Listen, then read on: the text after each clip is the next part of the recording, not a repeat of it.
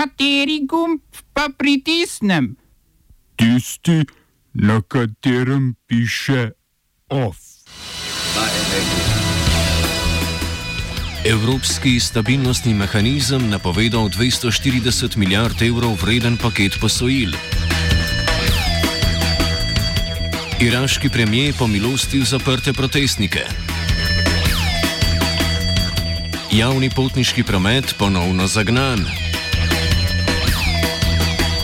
V kulturnih novicah o promocijski kampanji Vrnitev napisanih.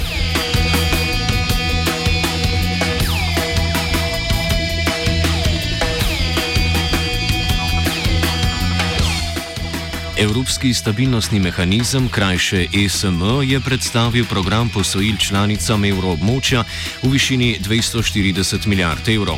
Vsaka država članica bo tako upravičena do posojila v višini 2 odstotkov lastnega BDP, kar v primeru Slovenije znaša okoli 900 milijonov evrov. ESM je sklad, ki razpolaga s približno 700 milijardami evrov kapitala in se ga drži zlovešč sloves iz časa dolžniške krize, ko je bil ustanovljen in je svoje posojila pogojeval s strogimi vrčevalnimi ukrepi ter zavezami o pri privatizaciji državnega premoženja. Predsednik Evroskupine, zbora finančnih ministrov držav evroobmočja Mario Centeno, je zato ponovno zagotovil, da tokrat podobnih zahtev ne bo. Edini pogoj za odobritev pomoči naj bi bil, da država sredstva porabi za posredne ali neposredne zdravstvene stroške zaradi epidemije. Novi iraški premijer Mustafa Al-Kadimi je pomilostil vse zaprte protestnike. Demonstracije v Iraku sicer trajajo od oktobra, ko so ljudje odšli na ulice izkazati nezadovoljstvo s korumpirano vlado in slabimi življenjskimi pogoji. Al-Kadimi je na mesto predsednika vlade prisegel prejšnji teden po več mesecev trajajoči politični krizi zaradi odstopa do tedanjega premijeja Abdela Abdula Mahdija konec lanskega leta. Al-Kadimi je prav tako odstavljenega generala Abdul Wahaba al Al-Sadija postavil na čelo iraške protiteroristične službe. Al-Sadi je iraški vojski poveljeval borbi proti islamski državi, prejšnji predsednik Mahdi pa ga je jeseni odstavil, kar je bil eden glavnih povodov za začetek protestov. Premijer skuša z ukrepi stopiti korak bližje zahtevam protestnikov, saj so se ti po pauzi zaradi uvedbe policijskih ur včeraj znova zbrali na bagdadskem trgu Tahrir.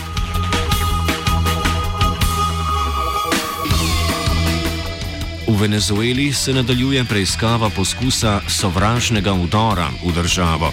Prijeli so še 11 ljudi, skupno 45, med njimi pa sta tudi dva ameriška državljana. Predsednik Nikolas Maduro za akcijo, v kateri se je več deset ljudi prejšnji teden poskusilo izkrcati na obali v bližini Karakasa, obtožuje ZDA in Kolumbijo. Časnik Washington Post je sicer 6. maja objavil pogodbo med ameriško paravojaško skupino pod vodstvom podjetja Silver Corp in venezuelsko opozicijo pod vodstvom Juana Guaidoja. Ameriški predsednik Donald Trump obtožbe zanika in izraža užaljenost nad dejstvom, da ga povezuje s tako slabo izvedeno operacijo, saj so udeležence aretirali še preden so pripluli do obale. ZDA so blokirale glasovanje Varnostnega sveta Združenih narodov o resoluciji, ki bi v času korona krize pozvala k ustavitvi spopadov povsod po svetu.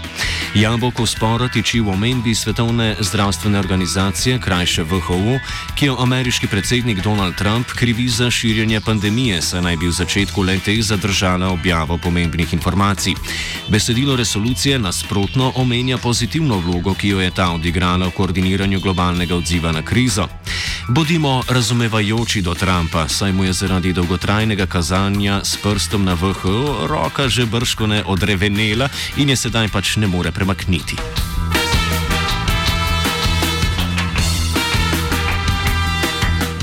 Sindikat policistov Slovenije, krajše SPS, se je odzval na tweet ministra brez resorja Zvonka Črnača, ki ga je na to posredoval tudi premijer Janez Janša. V tweetu Črnač poziva k odstavitvi policista, ki se je na petkovih protestih fotografiral z enim od udeležencev. SPS je v javnem pismu stopil v bran policistu, rekoč, da je svojim dejanjem policist množici pokazal, da svoje delo opravljajo za ljudi in tako preprečil morebitno usmerjanje jezem množice na druge policistke in policiste. V petek se je na protivladnih protestih v Ljubljani po navedbah policije zbralo približno 5500 ljudi. Protesti so potekali tudi v Mariboru, Celju in Kopru, sicer z manjšo doležbo. Predvsem v Ljubljani gre za več tednov trajajoče gibanje, ki uživa podporo mnogih civilno-družbenih gibanj, a nima deklariranega organizatorja. Udeleženci s kolesarjenjem v krogu po ljubljanskih ulicah in zvončkljanjem opozarjajo na nepravilnosti vladnih ukrepih. V luči razkriti iz odaje tarča pa je najpogosteje pogosteje slišati skandiranje gesla Lopovi, Lopovi, Lopovi.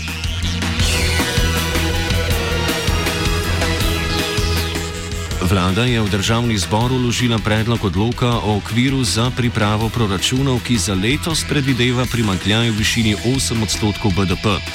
Po mnenju fiskalnega sveta naj bi bilo kršenje fiskalnega pravila smiselno zaradi soočanja s koronakrizo. To namreč predvideva srednjeročno uravnoteženost državnih proračunov brez zadolževanja oziroma više prihodke kot izdatke.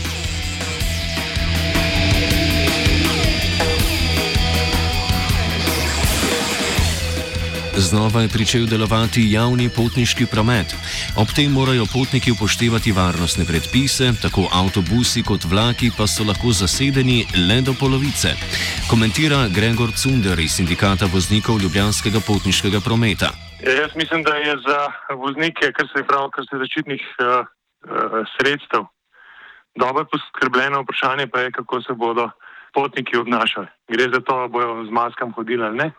To je stvar, ki pa jo vozniki kot taki praktično ne moramo 100% nadzirati. Navodila imajo, kako postopati v primeru, da nekdo prije brez maske, da, da noče upoštevati navodil. Tle se pa dejansko naša zadeva konča.